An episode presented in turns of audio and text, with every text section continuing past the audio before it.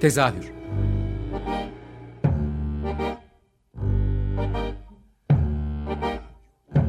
İstanbul tiyatro hayatı üzerine gündelik konuşmalar. What keeps mankind alive? What keeps mankind alive? The fact billions are daily tortured, stifled, punished, silenced, and oppressed. By. Hazırlayan ve sunan Gülin Dede Tekin. Tezahürden herkese iyi akşamlar. Ee, bu hafta karşımda Salih Usta var. Kadıköy Sanat Tiyatrosu'nun kurucularından biri kendisi. Hoş geldin Salih. Hoş bulduk. Ee, kendisiyle görüşmek istememin en büyük sebeplerinden biri hani Kadıköy Sanat Tiyatrosu evet önemli bir tiyatro ama Kadıköy Sanat Tiyatrosu e, Türkiye'de böyle farklı akımlardan biri olan fiziksel tiyatroyu da ağırlıklı olarak tercih eden ekiplerden biri. Ee, Salih Usta da bu konuda kendi geliştirmiş insanlardan biri ve onunla böyle biraz daha fiziksel tiyatro konuşalım ve e, biraz öğretmenlik yapsın istiyorum bugün bana ve bu, bu konuyla ilgilenenlere aslında. Ama öncesinde bir Kadıköy Sanat Tiyatrosu'nu tanıyalım. Kadıköy Sanat Tiyatrosu kimdir, ne yapar, e, ne nasıl bir yol? Çünkü geçtiğiniz yolu da biliyorum. Biraz bize kendinizden bahsedin istiyorum. Tabii. Ee, Kadıköy Sanat Tiyatrosu aslında bu sene 10. yılı. 10 yıl önce kuruldu. Ee, çok farklı insanların bir araya gelmesiyle kuruldu. Biz Şayka Tekant'ta öğrenciyken ben, Serdar, Fatoş, e, üçümüz orada öğrenciydik ve Serdar'ın İzmir'deki bir arkadaşı Kadıköy'de bir mekan buldu ve bir salon açmaya karar verdi. Bu kararı verdikten sonra da işte oyuncu arayışına girdi. Serdar'ı çağırdı. Ben gittim. Fatoş geldi filan derken böyle büyük bir ekip olduk. Sonra ekibimizi kurmuş olduk ama o dönemlerde ilk önce e, vaudeville oynuyorduk. ilk işlerimiz vaudeville'di ve o tarzdaki işlerdi. Sonra da artık biz şayka temelli olduğumuz için kendi tasarımlarımızı, kendi oyunlarımızı nasıl yaratabiliriz e, noktasına taşıdık biraz. Ve o tarzda araştırmalar yapmaya başladık. Bunun içinde bir sürü hani kendi işlerimizi yaklaşık olarak sanırım 3 veya 4 sene sonra yapmaya başladık. Hı hı. E, telifli oyunlar oynamaya başladık. İşte striptiz, çığ oyunları. Masanın diğer, altında. Masanın altında. Ee, o bence oyunu. Kadıköy Sanat Tiyatrosu'nu en yükselten oyunlardan biriydi yani güzel bir oyundu. güzel bir oyundu. Bizim de sahnemizi kaybettiğimiz, dışarı evet. çıktığımız evet. böyle arada kaynayan oyunlardan biri. Evet çok güzel bir oyundu. Yani. Çok, tekst çok değerli çünkü. Çok da güzel. Şimdi de arada çevirelim. Trom'da Hakan Emre masanın altındadan yorumla e, bir oyun oynuyor. Hani yolu düşen en azından Trom'u izlesin diye. Evet ben de merak ediyorum. Çok Gideceğim güzel umarım. çok iyi bir metin çünkü. Evet. Çok güzel bir şeyler anlatıyor. E, filan derken şimdi 10. senemize geldik. Aramızdan ayrılanlar oldu, yeni katılanlar oldu. Yaklaşık olarak çok kalabalık bir grubuz ama temelde iki işte 2-3 kişiyiz. E, şimdi tiyatrolar araştırmaları yaparak hayatlarımıza devam ediyoruz. Önceleri bu Akmar Pasajı'nın olduğu bir, e, sırada bir yeriniz vardı. Sonra onu bıraktınız ve bir süredir de e, bir ortaklık içindesiniz. Ortak değil mi? Dayanışma içindesiniz aslında. Bu dayanışmadan da biraz isimlerini analım. Sen söyle istedim. Tamam. Şimdi aslında oradan biz çıkmadık, atıldık. o detayı bilmiyorum. Orada Leman Kültür sağ olsun. Ha, öyle Onlarla, bir olayı var bunu bilmiyordum. Evet yani atıldık sayılmaz ama aramız yani çok kültürü desteklediklerini düşünmüyorum anlamda oradaki Leman Kültür'ün. Ee, Ama siz oradayken sanırım bir kitapçı vardı. Kitapçı vardı. Ada Kitap Evi vardı. Evet, Onun öncesinde FİMA yayın evi vardı. Hı-hı. Filan derken hepsiyle uğraştıktan sonra Leman Kültür geldi. Kabul etmedi. Kabul etmedi. Filan pişman. Ee, daha önce biz şu anda İstanbul Impro ile beraber İstanbul Impro sahnesindeyiz. Ee, onlar bizi biz salonumuzu kapattıktan sonra buraya davet ettiler. Gelin madem yeriniz yok burada tiyatro yapmaya hı hı. devam edin dediler. Sağ olsunlar biz de koşarak geldik. Şimdi burada onlarla beraber sahnelerini paylaşıyoruz. Daha öncesinde onlar sahnelerini kapattığında hı hı. E, Beyoğlu'nda biz de onlara aynı teklifi yapmıştık. Güzel bir dayanışma örneği. Evet. Onlar da sonra burada salonlarını tuttuktan sonra biz atıldık. Salonumuzdan buraya çağırdılar ve şimdi beraber e, onlar doğaçlama tiyatro yapıyor. Biz fiziksel tiyatro evet, yapıyoruz. Evet çok güzel Böyle, bir ikilisiniz aslında. Evet birbirini hem destekleyen hem de farklı iki tarz tiyatro. Yani birbirimizi hem eleştirebiliyoruz hem destekleyebiliyoruz. Bu anlamda çok iyi. Besleyici bir durum. Çok besleyici. Çok birliktelikleri de var bu arada. Peki e, şeyden başlayabiliriz. Sizin ilk yanılmıyorsam e, fiziksel tiyatro işiniz serbest düşüştü. yanılmıyor mu? Evet. Yanılıyor muyum? Söyleyemedim. Söyleyemedim. o serbest düşüşle birlikte bir fiziksel tiyatroya giriş yaptınız. Ee, hangi oyunlarda oynadınız bu zamana kadar? Biraz onlardan bahsedelim bu fiziksel tiyatro ağırlıklı. Şimdi biz aslında e, tiyatro ile ilgilendiğimizden beri bu fiziksel kısmıyla hep ilgilendik. Ben özellikle fiziksel kısmını çok seviyorum ve ağırlıklı o, taraflarla ilgileniyorum. İstersen hani ikinci bölümde konuşalım istiyordum ama fiziksel tiyatro nedir? Aslında bundan bir bahset bize. Hani seni bu kadar cezbeden yanı ne? Neden bu kadar çok istiyorsun onunla bir şeyler yapmayı? Hani benim dedin ya en başından beri. Nedir fiziksel tiyatro? Bir onu açalım istersen. Çok kabaca şöyle cümle olarak söyleyecek olursak beden kullanımının e, metin kullanımının önüne geçmesi aslında. Yani metni baz olarak almayıp beden kullanımını, enerji kullanımını e, dramatürjik olarak sahneye taşımak diyebiliriz kabaca. E, ama fiziksel tiyatro dediğimiz yelpaze çok geniş. Hani bunun içinde mim var, e, clown var, e, dansa yakın bizim bir noktasında da kullandığımız bir e, fiziksel tiyatro yelpazesi var, dans tiyatrosu var. Çok geniş bir yelpaze. Bu noktada işte fiziksel anlatının ön plana çıkması. E, Türkiye'de çok fazla örneği yok. E, Bereze ile beraber aslında Güraylarla beraber birkaç örnekle e, gelen işler var. Daha önce yapılmış bazı işler var ama bilinçli olarak bunun üzerinde çalışan çok fazla Ekip yok. Ekip yok. Biraz şu kısmı var. Aslında dansçıların daha çok yaptığı işlerde tiyatroyla dansı birleştirdikleri noktalarda Böyle dans çıplak ayaklar tiyatrosu. kumpanyası Evet. gibi aslında. Evet. Onların bazı işleri aslında bir anlamda da fiziksel tiyatro e, diyebiliriz. Bir örneğin diyebiliriz. Şimdi biz de serbest düşüşü yaptığımızda aslında bir isim veremedim. Hani bunu izleyenler bir isim versin diye düşündük. Çünkü ben burada tiyatro mu yapıyorum? Fiziksel tiyatro mu yapıyorum? Yani normal performans mı yapıyorum aslında? Nasıl bir oyunu serbest düşüş? Serbest düşüş şöyle. Beckett'in Sözsüz Oyun 2'ndeki oyunun başındaki sadece sahneye fırlatılan bir adam var. Bir kere fırlatılıyor, geri dönüyor, bir kere daha fırlatılıyor. Sadece bu kısmını aldım. Ee, ve dünyaya fırlatılma felsefesiyle birleştirdik. Sahneye sürekli fırlatılırsan ne olur? 8 oyuncu sürekli sahneye fırlatılıyorlar ve geri dönüyorlar. Fırlatılıyorlar, geri dönüyorlar. Ve sahnede bulundukları dönemde nasıl var olacakları üzerine bir oyun. Ee, şimdi söz yok oyunda. Tamamen fiziksel. Senin zaten fiziksel tiyatro seçimlerinde genelde söz olmuyor. Sonuncusunda var. Sonuncusunda var mı? Onu Var. izlemediğim için. Tamam, Pardon. Podyumda var. Podyumu izlemedim tamam. Ee, ya bu kısmı biraz araştırdım aslında. Ee, serbest düşüşte bu anlamda çok fazla malzeme verdi. Yani oyuncunun sadece beden olarak sessizce orada var olması, hani sadece sessizliği ve anı kullanarak var olması nasıl bir şey? Ve gerçekten var oluyor. ve seyirci de onunla beraber o zamanı tüketiyor.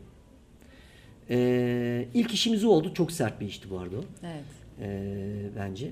O çok da e, ses getiren bir iş oldu aslında. Evet. Yani e, kısa yani sizinle konuştuğumuzda tekrar sahnelemek üzerine bir şeyler söylemiştim birkaç sezon önce konuştuğumuzda ama olmadı sanırım o. Her sezon yeniden düşünüyorum. Hala şu anda aklımda uçuyor o fikir.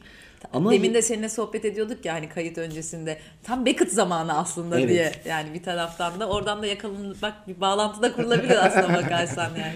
kesinlikle bence yani şimdi var olmakla ilgili çok büyük temel çelişkiler yaşıyoruz şu anda hayatımızda. Yani ülkemizde bir sürü sorunumuz var. Kişisel olarak sorunlarımız var ve Beckett bunların birçoğunu söylemiş durumda yani bizim için yıllar önce.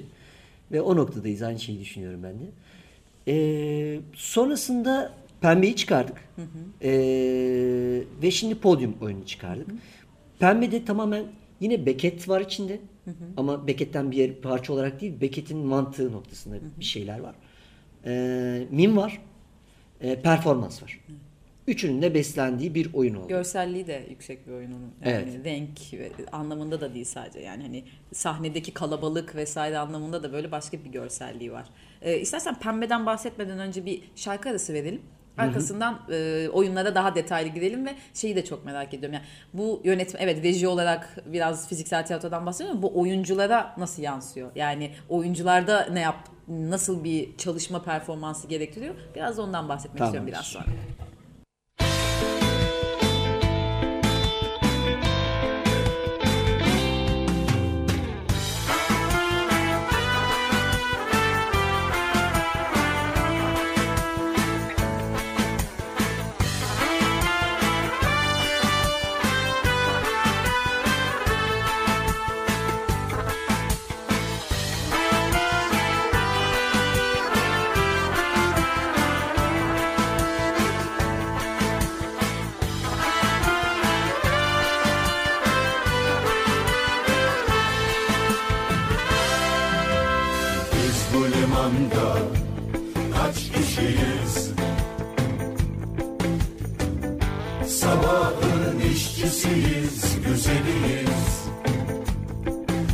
sobre.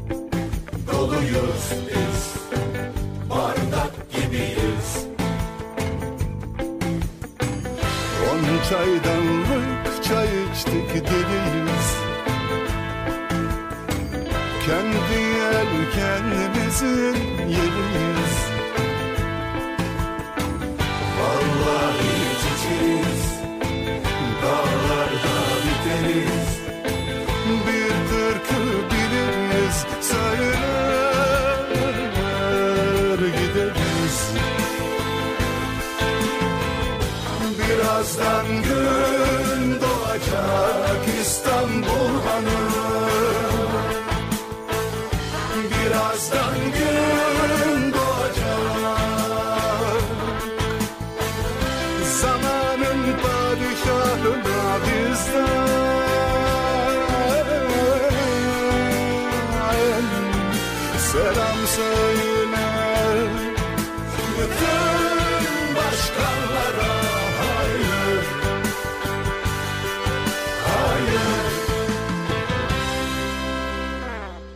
Tezahürden tekrar merhaba. Ee, kısa bir aranın ardından Salih Usta'yla Kadıköy Sanat Tiyatrosu üzerinden fiziksel tiyatro konuşmaya devam ediyoruz. Tekrar hoş geldin diyeyim. Hoş bulduk. Ee, Pembe'den bahsediyorduk. Geçen sezon çıkardığın, e, çıkardığın diyorum çünkü hani rejisi sana ait olduğu ve şeyi de sana ait tamamen konsept de sana Evet. ait.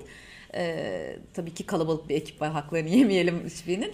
Ee, Pembe'den bahsedelim dedik, podyumdan bahsedeceğiz ama önce bir Pembe'den e, girelim istersen konuya. Tamam.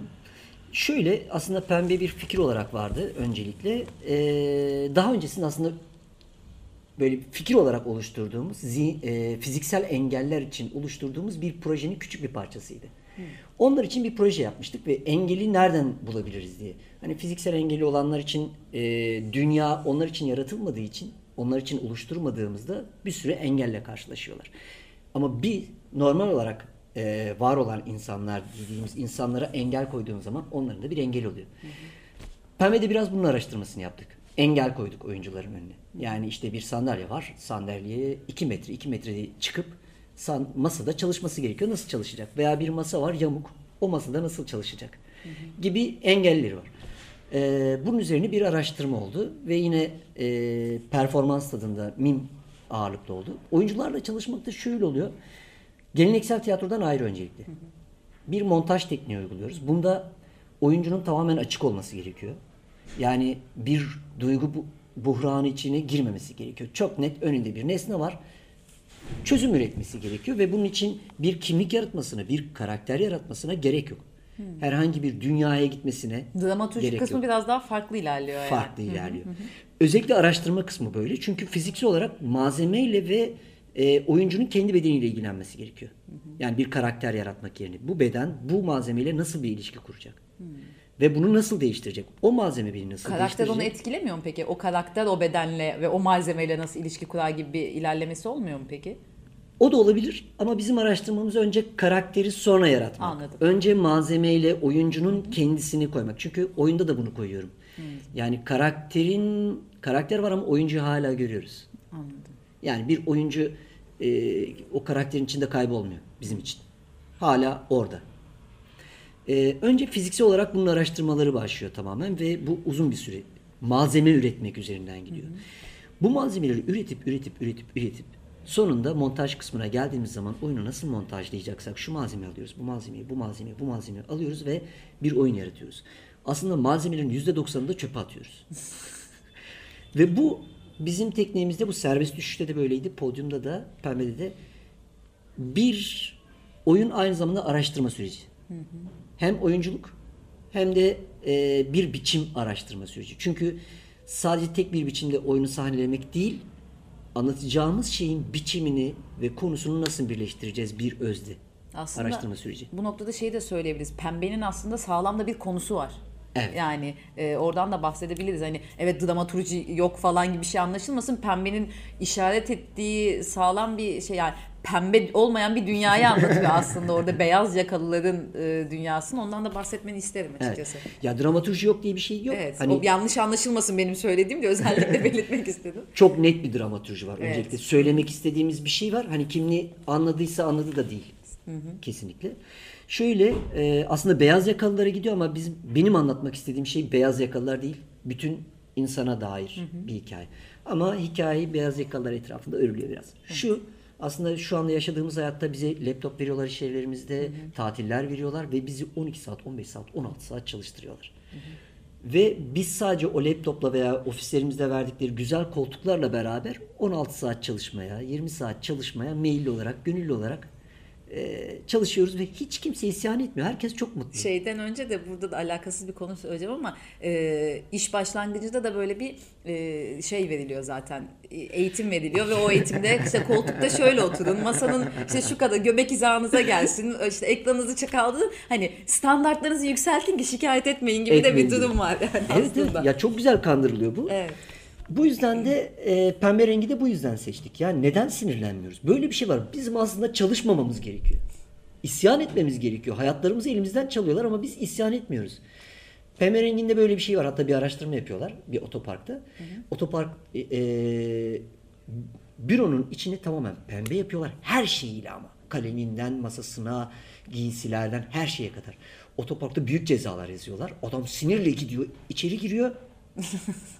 Her şey pembe, parayı ödüyor, çıkıyor. Çok güzelmiş. Evet. Ve yani pembenin gücü oradan geliyor. Hani bizim için de pembe işte bu laptoplar, güzel Ben daha çok sandalyeler sinirlenebilirdim. Pembe hiç sevmeyen biri olarak aslında ama. ama şaşırtan alan evet, bir şey. yani. şaşırtıcı bir şey evet doğru. Ama şöyle bir etkisi de var. Uzun süre buna maruz kalırsan daha yüksek şiddette Evet. ortaya çıkmaya Evet, başlıyor. evet. Bir şey bu kadar yoğun Evet. geldiğin zaman zaten. Ve aslında bunu anlatıyoruz. Neden kayıtsızız? Neden bir şey söylemiyoruz? Bu yüzden de pembe oyununda aslında ilk 20 dakika çalıştıkları yere girmek istemeyen insanları görürüz. Kapının ağzına girmemek için çabalıyorlar. Evet. Sadece. Sonra giriyorlar. 20-25 dakikada sadece çalışmak için zaman harcıyoruz. Oradaki çözümler için. Peki şey de e, kalan vaktimizi hani iyi kullanmak adına soruyorum. E, oyuncuların bunu hem oynarken verdik en- kullandıkları enerji normal bir tiyatro oyunundakinden çok daha farklı oluyor. Yani e, evet pembede hani çok yoğun belki yorucu değil ama bazı şeylerde de aşırı yorucu olabiliyor bu. Yani o nasıl bir çalışma süreci? Yani atıyorum spor yapması mı gerekiyor fiziksel tiyatro yapan birinin? Çok abartarak söylüyorum bunu ama oyuncu için nasıl bir şeyi var bunun? Çalışma sistemi var. Bu aslında projeye bağlı ama kesinlikle düzenli çalışma istiyor. Mesela podyum oyununda e, sezon başında ilk iki oyundan sonra oyunu kaldırdım. Çünkü oyunların Oyuncuların kondisyonu yetmedi. Bir ay sonrasını Yani işte kondisyon doğru kelime söyleyemedim Evet. az önce ama kondisyon gerektiren işler yani. Kesinlikle. Mesela Pembe'de de e, bir oyuncu değişikliği yaptık. Masadaki başka bir oyuncu arkadaşımız geldi. Dışarıdan önce de kolay görünüyormuş dedi. İçine girdi yapamadı. Çok zorlandı. Yani yaptı da. Hani Evet. "Aa, böyle değilmiş bu. çok zor. Çok büyük bir performans harcıyorsun. Bu yüzden hani buna kondisyon da dahil, sürekli çalışmak da dahil, zihinsel olarak da çalışmak buna e, devam etmek gerekiyor. Mesela biz son dönemde işte podyumla girdiğimiz süreçte şimdi fizikseli başka bir noktaya, dansla buluştuğu noktalara kaydırdık biraz daha. E, Podyumdan bahsedelim istersen bu arada. Ya podyumda fiziksel kelime yöntemi dediğimiz bir yöntem var. Ee, aslında her fiziksel hareketin bir kelime olduğu ve bu kelimeleri bir araya getirerek bir cümle kurabilirsin. Bunlar yoluyla da bir şeyler anlatabiliriz noktasını kuruyoruz. Ee, bunu da Polonya'da Grotowski Enstitüsü'nde Studia Matejka diye bir grup var. Oranın atölyelerine katılmıştım iki sene boyunca ve sonra dışarıda da çalıştık ee, kendileriyle. E, Orada öğrendiğim yöntemlerle geliştirdiğimiz bir oyun oldu. Onun içinde çok uzun süre gerçekten e, fiziksel olarak çalışıldı. E, ve çalıştığımız insanlar benim kendi öğrencilerim daha önce geleneksel tiyatro eğitimi almış. E, ve sonra fiziksel tiyatro yapmaya çalıştığımız arkadaşlarımız Bir oldu. geçmişleri yok bu Yok, konuda. evet. Ve onlarla da araştırma süreci oldu. Bayağı 5 ay kadar sürdü galiba bu. E, çalıştık ve ağır çalıştık gerçekten. Ee, ve yine metni kendimiz oluşturduk. Kolektif bir şekilde çıktı. Ee, o anlamda oyuncuların hani kendi ürettikleri, kendi hayatlarından getirdikleri beraber fizik kaliteyle birleştiğinde bambaşka bir şey çıktı ortaya şimdi. Bunda ama daha değişik bir stil var. Daha değişik bir biçim var. E, vaktimiz azaldı için ben Tamam. ve çat diye kestin ama tabii o hızlı oldu. E, şeyden de bahsetmek istediğim için şimdi seni uzun zamandır yönetmen olarak izliyoruz. Ay, şey e, görüyoruz tiyatroda ama ki. e, yok ne yazık ki deme. Şimdi aslında senin şu anda oynadığın bir oyun var. Evet. Biraz da Troas'tan çok kısa e, o da kıymetli bir iş. Ondan da bahsetmek istiyorum. Yani bahsetmeni istiyorum daha doğrusu. Ya çok güzel bir iş çıktı öncelikle. Ee, yönetmeni Alexandra Kazazo. Ee, kendisi işte Studio Matejka'dan. E, O da fiziksel biri. bir iş ayrıca yani bence Evet. içinde oldukça fiziksel işler. Çok fiziksel Evet, hem evet. Yani ağır. Ağır. Ee, Kerem Karabağ, Cem e, Yiğit e, ile beraber e, üç kişi oynuyoruz. Dimitris Dimitriadis e, oyunun yazarı. O da bir araştırma süreciyle beraber kısa bir sürece çıktı ama hala araştırmaya devam ediyoruz. Oyun henüz bitmedi. Polonya'ya gideceğiz Grotowski Enstitüsü'ne. Orada bir haftalık kamp yapacağız. Devam edecek. Belki bir ihtimal Atina Tiyatro Festivali'nde oynayacağız. Heyecanla Ee, bekliyoruz onu. Evet ben de. Ya ben ön gösterimini izleme şansı bulmuştum da kendini geliştirebilecek bir, bir oyunda hani yani sürekli üzerine bir şeyler koyup ya da bir şeyler eksiltebilecek hani e, duracak bir oyun gibi durmuyor zaten aslında. Evet kesinlikle ki şu anda Alexandra'nın bizden istediklerini tam olarak verebilmiş değiliz. Ben kişisel olarak henüz verebilmiş değilim yani mesela. Ee, şöyle bir güzelliği var. Kerem Kera, Karaboğa ile çalışıyoruz. Hani Kerem Karaboğa çok acayip bir oyuncu. çok iyi bir oyuncu yani. Benim de tiyatroya başladığımda idolüm olan oyunculardan biri. Ve onu izlemek çok büyük keyif veriyor. Evet gerçekten Vallahi. öyle. Gerçekten öyle.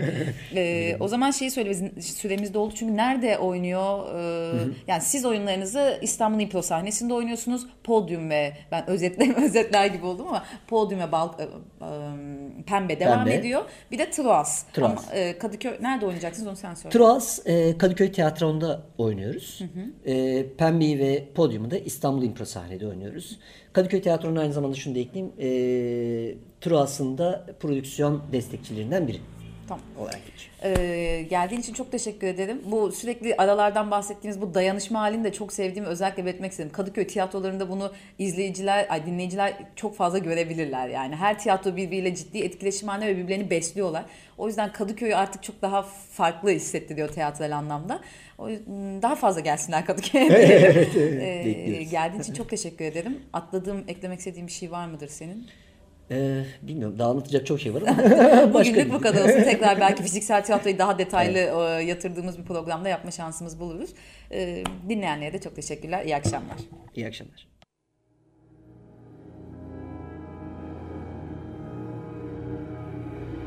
Tezahür